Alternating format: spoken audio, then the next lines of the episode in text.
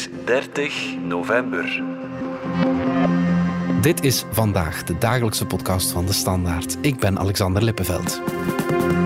Op 2 maart werd de Oekraïnse stad Gerson veroverd door de Russen. Op 11 november nam Oekraïne de controle weer over en werden de Russen teruggedrongen over de rivier de Dnieper. Maar van de regio rond Gerson blijft niet veel meer over. Hoe is het om terug te keren naar een stad die zeven maanden lang belegerd werd?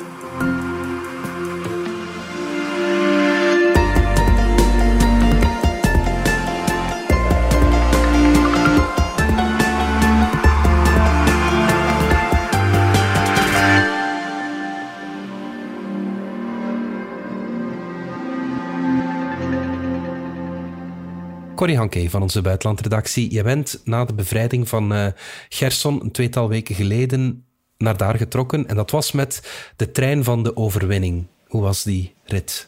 Dat was een, eh, een ongelooflijk fijne rit, want het was de allereerste treinrit van Kiev via Mykolaiv uh, terug naar Gerson. Dus dat was eigenlijk zo een symboolrit, dat voor het eerst Gerson terug verbonden was met de rest van Oekraïne. Want via de wegen was het enorm moeilijk om naar Gerson te geraken. En dus het, het, spoor, de spoorlijn was eigenlijk de eerste, de eerste echte verbinding. daar hing wel zo een, een uh, stemming aan boord. Even zeggen, aan boord zaten uh, nogal wat journalisten, waaronder ik. Um, zaten 200 mensen die voor het eerst terug hun familie gingen bezoeken na al die maanden. En zat natuurlijk uh, de top van de spoorwegen, uh, enkele ministers en de chefs van belangrijke hulporganisaties zaten ook aan boord. Ja. Maar dus dat was een, een heel, heel leuke sfeer. Um, die trein, uh, de trein van de overwinning, dat zijn eigenlijk zeven wagons uh, die uh, beschilderd zijn door, door kunstenaars. Okay. En elk van die wagons die besteden aandacht aan een van de bezette gebieden. Dus je hebt een wagon die beschilderd is met dingen die naar de Krim verwijzen, die, een andere die naar Donetsk verwijzen. En um, die, die trein was niet de eerste keer dat die nu, of die zeven wagons was niet de eerste keer dat die uitreden. Die zijn tevoren al naar andere gebieden gereden waar ze uh, bevrijd waren. Maar dus nu was het uh, naar Gerson. Ja, oké. Okay. Het, het meest ontroerende was onderweg. Dus dan liepen de mensen uit de dorpen waar de spoorlijn langs passeerde. Het was, het was in de ochtend. Uh, en die liepen naar het spoor en die begonnen allemaal ongelooflijk enthousiast te zwaaien. Er stonden ook uh, Oekraïnse soldaten met een kopje thee zo te glimlachen naar de trein die voorbij kwam. Mensen haalden, uh, degene die konden in die dorpen, soms Oekraïense vlaggen uh, boven. Dat was, dat was zo'n grote vreugde. Ik zat daar eigenlijk verschrikkelijk emotioneel op die trein uh, uit het raampje te kijken naar al die gelukkige mensen. Hoe werd die trein dan onthaald in de, in de stad? Dus toen we het station binnenreden, zo, je hebt daar zo'n uh, een, een brug over de rails. die, die, die brug zat, was, was pikzwart van het volk, van alle mensen die wilden kijken hoe de trein hun station binnenreed. Ja, en op het perron stond natuurlijk um, gezinsleden die wisten dat na zoveel maanden eindelijk iemand uit Kiev of een ander gebied van Oekraïne eindelijk terug op bezoek zou komen en dat ze, die, dat ze elkaar opnieuw konden vastpakken. Dus ja, dat was uh, een heel, heel mooi moment. Ja, absoluut. Uh, barst van de symboliek, zeg maar. Um, Gerson is zeven maanden lang bezet geweest. Hè. Hoe, werden, hoe was die periode voor de inwoners van, van de stad? Ja, voor, voor de, de, alle mensen met wie ik gepraat heb op straat die eerste dag, um, het meeste dat je hoorde was dat ze bang waren. Mhm. Blijkbaar um, veranderden de Russen constante regels. En ik had ook het gevoel uit hun, hun verhalen dat de soldaten eigenlijk konden doen wat ze wilden. Dus heel veel mensen vertelden van je ging op straat en je wist gewoon niet of je wel naar huis ging komen, want je wist nooit wat je nu weer verkeerd had gedaan. Um, en dan, um, de meesten probeerden de mensen met wie ik gepraat heb, die probeerden zoveel mogelijk binnen te blijven of probeerden zoveel mogelijk alle contact met de Russische bezetters te vermijden. Vrouwen waren ook bang van uh, die, die trucks met die Z en die V op. Um, al die soldaten die met hun, met hun wapens over straat liepen. Dus dat was zo, het had ik het gevoel met de mensen met wie ik gepraat heb, het, het overheersende gevoel. Ja. Ehm, ik zeg constant bij de mensen met wie ik gepraat heb, want hoogstwaarschijnlijk of zo goed als zeker zijn in Gerson ook mensen die het wel oké vonden dat de Russen daar waren. Maar die zijn waarschijnlijk allemaal vertrokken uh, toen de Oekraïnse troepen uh, op komst waren. Dus ik denk dat die met de Russische soldaten um, weggegaan zijn en dan richting Rusland doorgereisd hebben. Dus de mensen die er nu nog blijven, zijn vooral, denk ik, um, de, de, de Oekraïense mensen die, willen, die wilden dat Gerson terug bij Oekraïne kwam. Ja, ja. Het tweede wat mij opviel, uh, dat was dat ze eigenlijk allemaal ook klaagden over de kwaliteit van het eten. Dus uh, ja, alle Oekraïense aanvoerlijnen van voedsel waren, werden natuurlijk stopgezet en er kwam Russisch voedsel binnen.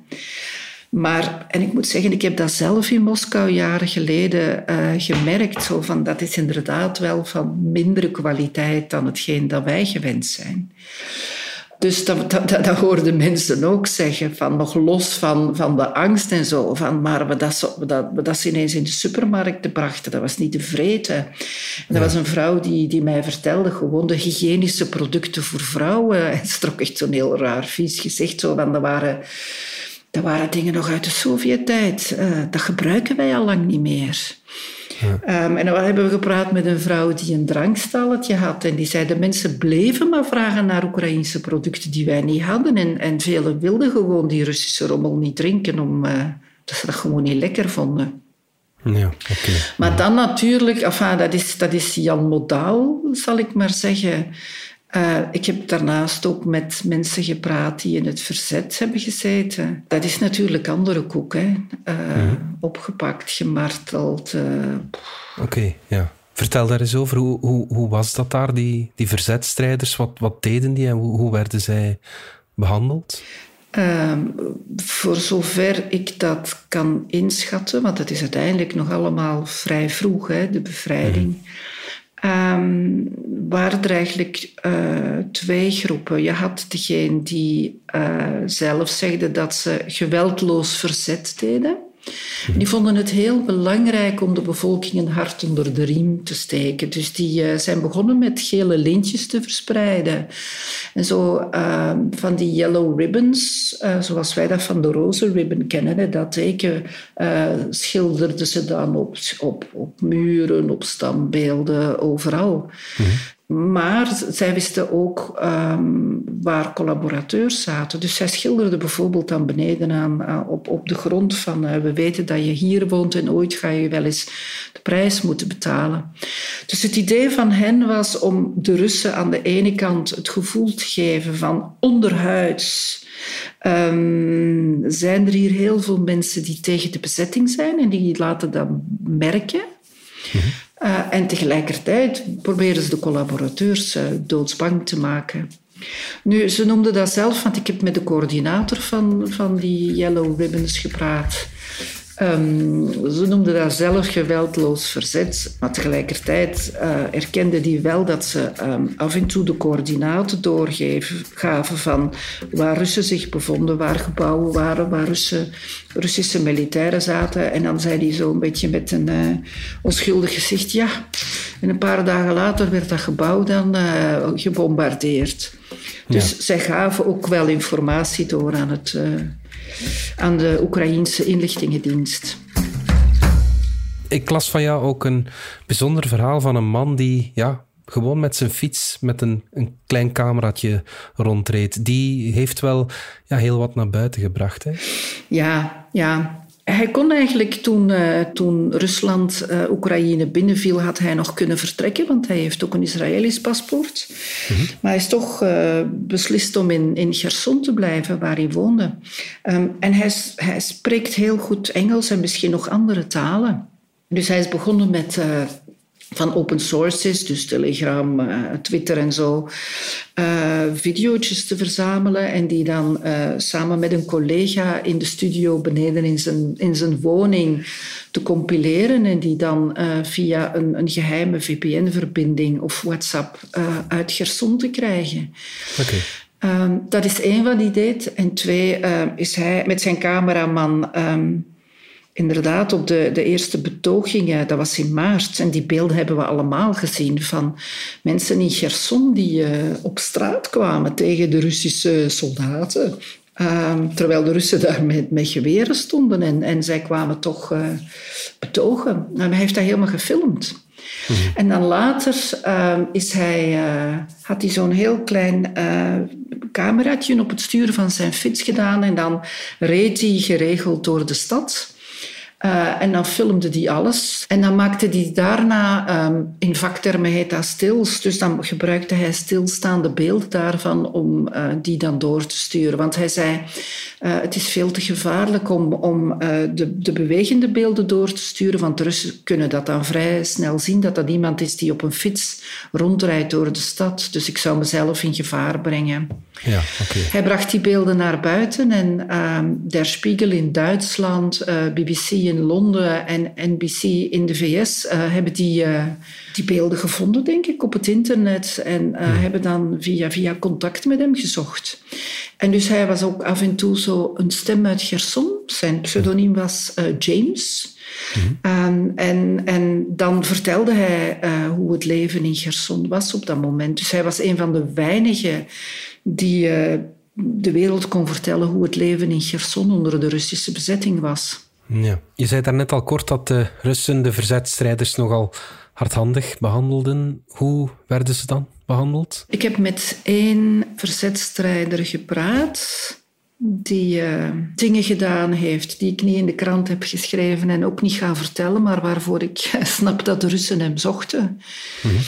Hij is opgepakt en hij is eigenlijk om de twee dagen uh, uh, heeft hij elektroshocks gehad.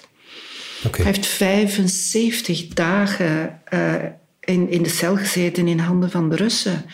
En om de twee dagen ongeveer werd hij opnieuw uh, naar, ja, ik noem dat de martelkamer, naar de martelkamer gebracht. Mm -hmm. Waar ze 110 volt uh, door zijn lijf duwde. Op zich, uh, dat overleef je, maar dat is niet één keer, dat was niet twee keer, dat was niet drie keer, dat was uh, heel vaak. Hij vertelde mij, ik had het gevoel dat die ondervragingen een half uur duurden. Maar medegevangenen zeiden hem dat hij soms zes uur gemarteld was. En dus wat de Russen deden, ze, ze, bonden een elektrische draad aan van die antieke bureauclips. Je weet wel waar je papieren mee samenbindt. En ja. die clips maakten ze vast aan zijn lijf en aan zijn vingertoppen, aan zijn neus, aan zijn... Uh... En dan kreeg hij dus die schokken. En uh, ik had tijdens het gesprek het gevoel dat hij moreel ongelooflijk sterk was. Want hij vertelde mij dat hij dan s'nachts uh, na zo'n ondervraging een, een heel script in zijn hoofd had van oké, als ze morgen mij opnieuw of overmorgen mij opnieuw gaan ondervragen, wat ga ik hen op de mouw spelden? Hmm. Dus hij probeerde hen zo weinig mogelijk informatie te geven. Hij heeft me ook verteld dat hij in een bepaalde periode zes dagen geen eten gekregen heeft en alleen vervuild water te drinken kreeg. Dus dat betekent dat hij uh, buikloop had in een cel waar dus geen toiletten zijn. Dus die man was ziek, had krampen uh, en de Russen gaven hem gewoon een uh, zak om uh, te gebruiken. Die man is 20 kilo vermagerd ehm, nadat hij vrijgelaten is. Eigenlijk zijn vrijlating is, een, is eigenlijk wel een heel speciaal verhaal. In zijn, in zijn jonge jaren was hij hooligan. En de bewakers in, in, in het foltercentrum, ik zal het maar zo noemen, of het detentiecentrum, die wisselden geregeld. Dus dat waren rotaties. En bij de laatste rotatie was zijn bewaker een Russische hooligan. En die twee mannen die vonden blijkbaar uh, een taal en, en, een manier om met elkaar te communiceren over de tattoos, over hooliganisme en zo. Dus zij, zij hadden een beetje common ground. Ja. En uh, op, op dat moment waren de Oekraïners aan hun opmars begonnen. En dan heeft uh, die Russen uiteindelijk beslist van... Uh, oké, okay, we laten je gaan. Hmm. Um, en ze hebben hem een zak over zijn hoofd gedaan en ergens afgezet. Okay. Straks kijken we naar het leven in Gerson na de bevrijding, maar nu gaan we er even uit voor reclame.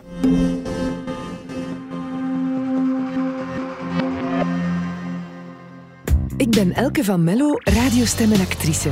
Hoewel ik in mijn job altijd mijn hart volg, moet ik als zelfstandige soms ook rationele keuzes maken. Dus rij ik met een plug-in hybride van Mercedes-Benz. Ik verbruik minder, rij vaak volledig elektrisch en fiscaal is het gewoon mijn beste optie. Dus slim gekozen, maar toch ook met het hart. Nieuwe bedrijfswagen? Bij Mercedes-Benz Heden Automotive maken we net als voor elke ook voor u graag een berekening op maat. Meer info op hedenautomotive.be.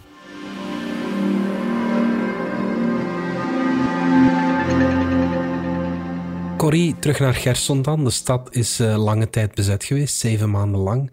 Hoe ligt de stad er vandaag bij? Ligt die helemaal in puin? Nee, die stad ligt niet in puin. Die stad is behoorlijk ongeschonden uit de bezetting gekomen. Mm -hmm. dat bleek ook tevoren al. De Oekraïners wisten inderdaad dat daar uh, heel veel burgers nog zaten. Dus de Oekraïners zelf hebben uh, die stad heel weinig of niet beschoten, wetende dat ze heel veel burgerslachtoffers zouden maken. Ja, en de Russen die zaten daar. Dat was hun mhm. stad. Uh, dat moest de nieuwe stad worden van de bezetting van het gebied in Oekraïne dat de Russen allemaal zouden veroveren. Dat zou de nieuwe hoofdstad moeten worden. Dus die stad is eigenlijk nog, nog uh, qua gebouwen uh, goed in stand gehouden. Maar wat de Russen wel gedaan hebben, is dat zij alle voorzieningen kapot hebben gemaakt toen ze vertrokken zijn. Dus toen wij daar waren, was er uh, geen elektriciteit, was er geen water. Um, en het was ondertussen daar bijna vrieskou. Dus uh, het was bijzonder moeilijk leven voor die mensen. Ja. Maar de Russen hebben zich nu teruggetrokken aan de overkant van de rivier, uh, aan de Dnieper. Dus aan de overkant van de Dnieper. En, de, en, dat is op ongeveer 10 kilometer van, van uh, de, de, grens van de stad, de oevers van de stad. Mm -hmm. En de wijken die daar liggen, die krijgen nu de volle laag van, uh, van de Russische raketten en mortieren. Um, de wijk waar wij waren, de dag daarna heeft hij een raketaanval op zich gekregen. Mensen gestorven, huizen in brand gevlogen. Mm -hmm. um, en ik las dat gisteren Volgens de gouverneur zijn er maar liefst 54 raketten afgevuurd op, op Gerson. De laatste dagen zijn er 15 mensen gedood en um, 35 gewond. En, en dat gebeurt heel, heel uh, onverwachts. Ik heb dat zelf meegemaakt. Zo, uh, wij kwamen uit de gevangenis waar we de folterkamer gezien hadden. We kwamen op buiten en op dat moment is er een raketaanval niet zo ver van ons. Hmm. Dus godzijdank hadden wij onze helm op en onze scherfvest aan. Dus dat is bukken, bescherming zoeken tegen glas dat eventueel zou uh, kapot springen. Enfin, dat is nu niet onmiddellijk bij ons in de buurt gebeurd. Dus als die aanval uh, afgelopen was, stappen wij in de auto. En 200 meter verder aan het park liggen dus drie mensen op de grond. Eén daarvan dood en twee gewond. En dan een bevriende fotograaf, uh, die, die toonde foto's. En, en dat waren onderdelen van clusterbommen. Uh, die daar in de omgeving van die drie slachtoffers gevonden zijn. Dus voor die, voor die mensen in Cherson is het eigenlijk Russische roulette. Je weet nooit wanneer er weer een aanval gaat komen en of je op tijd uh, bescherming ergens kunt, kunt vinden. En een dag na je bezoek aan een wijk die in de vuurlinie ligt, werd alweer een huis beschoten. Een van de bewoners deed haar verhaal. We luisteren even. Наши стрельнули, оттуда две Опять? Ага. Опять наши стрельнули, оттуда две ракеты. Все, я говорю, все, я бабушку отвез до сына ее so, then, Да, до братухи, до брата. There was uh, Ukrainian а мы сюда. Uh, rockets also like shooting that direction. And they were answering, so it was... Все равно мы переговорили у Наташи, у свахи. Поговорили, все, договорились за квартиру. Ja, na de bezetting komt de belegering eigenlijk. Ja, ja. De gouverneur zegt nu dat de Russen uh, eigenlijk een terreurregime uh, of terreuraanvallen aan het uitvoeren zijn op de stad. Kan je dan zeggen dat die stad bevrijd is als, als de Russen nog zo dichtbij liggen en ja, het leven eigenlijk nog veel zwaarder maken dan, dan, dan tijdens de bezetting? Ik heb het gevoel dat de mensen, maar ik ben nu enkele dagen terug, dus ik weet niet hoe de mensen zich vandaag voelen, maar toen ik daar was, um, vinden de mensen dat ze bevrijd zijn. Om te beginnen, er zijn geen Russische soldaten in de straten. Dus de, de angst dat je opgepakt kunt worden, de angst dat je gemarteld kunt worden, is weg. Hm. Ehm, er zijn onze jongens, zo zeggen ze dat altijd, onze jongens zijn terug. Um, de winkels beginnen langzaam. Enfin, er zijn heel veel hulporganisaties nu die uh, eten en zo brengen. De elektriciteit wordt um, hersteld. Dus um, het is bijzonder hard voor de mensen, maar ze vinden het toch nog altijd veel beter dan onder de Russische bezetting te leven. Ja. Omdat zij ook geen deel wilden uitmaken van Rusland. En dat was op dat moment. In hun mhm. hoofd is dat heel belangrijk. Zij wilden geen Russen worden. Ja. En kan je daar vandaag eigenlijk leven, Corrie? Want je zei het al, geen elektriciteit, geen water, geen verwarming. De winter staat voor de deur, is, is daar eigenlijk al bezig. Heel leefbaar klinkt dat allemaal niet, hè? Ja, het is inderdaad bijzonder moeilijk. Hè? Maar veel van die mensen zijn wel een en ander gewend. En zij zijn ook ongelooflijk optimistisch en hebben een heel erg optimistische spirit. Dus, mhm. Maar het is wel zo dat, dat nu... Um, enfin, het is een race voor de tijd voor hulporganisaties. Er zijn Amerikanen gekomen die beweren dat ze snel elektriciteit gaan brengen.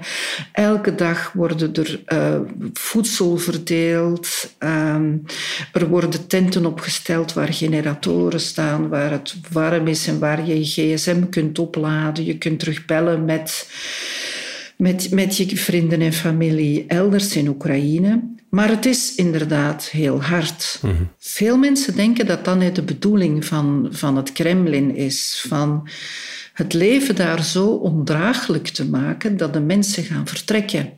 En als de mensen gaan vertrekken, dan wordt ook de ruggengraat van de soldaten een beetje gebroken, omdat zij dan. Enfin, de steun van de bevolking vermindert dan een beetje, omdat de mensen wegtrekken.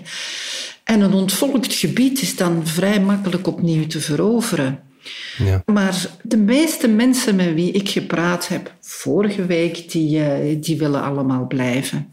En wat je ook mhm. merkt is dat... Uh, ik, ik ben ook naar een dorp geweest uh, waar nog heel veel niet ontplofte munitie ligt. Um, en, en, mensen die tijdelijk in, de, in, in Mykolaiv dan uh, bescherming hebben gezocht tegen de beschietingen toen hun dorp nog op de frontlijn lag, dus toen mhm. Gerson nog in handen van de Russen was, die mensen willen allemaal terug naar hun dorp. En ik denk ondertussen dat het in de dorpen makkelijker te overleven is dan in de steden. Ja. Um, die mensen hebben houtvuren, uh, die helpen elkaar, dat is een kleine gemeenschap. Die kunnen wel eventjes zonder elektriciteit. Um, die, die, die hun toiletten zijn buiten, die hebben geen water nodig daarvoor. Um, dus ik denk dat velen proberen zo snel mogelijk terug naar hun dorp te gaan, als dat kan, als de explosies allemaal weg zijn, uh, om daar uh, de winter te overleven. Goed, Corrie Anke, dankjewel. Graag gedaan. Blijf nog even hangen, want ik heb een bijzondere luistertip. Toen tv-maker Bart de Pauw exact vijf jaar geleden in een video bekend maakte dat hij wegens klachten over grensoverschrijdend gedrag niet meer voor de VRT mocht werken, barstte MeToo in Vlaanderen los. In de vijfdelige podcast Na de Storm onderzoekt Vele Segers wat er intussen veranderd is. Ze doet dat met getuigenissen van de actrices Lisa Naert, Maaike Kafmeijer. Ik moet ergens de lente in dit zien. Als dat niet is, dan is het voor niks niet nodig geweest. Want het is wel zo, hier allen wel uit leren. Hè? Echt waar, hè? Met Valerie Droeven, die de zaak voor de standaard volgde, psychiater Dirk de Wachter, Steven Colasny van het koor Scala en Lisbeth Stevens van het Instituut voor de Gelijkheid van Mannen en Vrouwen. Na de storm in de app DS Podcast of je favoriete podcast-app. Een co-productie van de Standaard en productiehuis De Hofleveranciers. Dit was vandaag de dagelijkse podcast van De Standaard. Bedankt voor het luisteren. Volg ons op Spotify, Apple Podcast of eender welk ander podcastplatform. In onze gratis FDS podcast kan je niet alleen ons werk beluisteren, maar ook de beste podcasttips terugvinden met zorg geselecteerd door onze redacteur Max de Moor. Alle credits van de podcast die je net hoorde vind je op standaard.be-podcast. Reageren kan via podcast.standaard.be. Morgen zijn we opnieuw.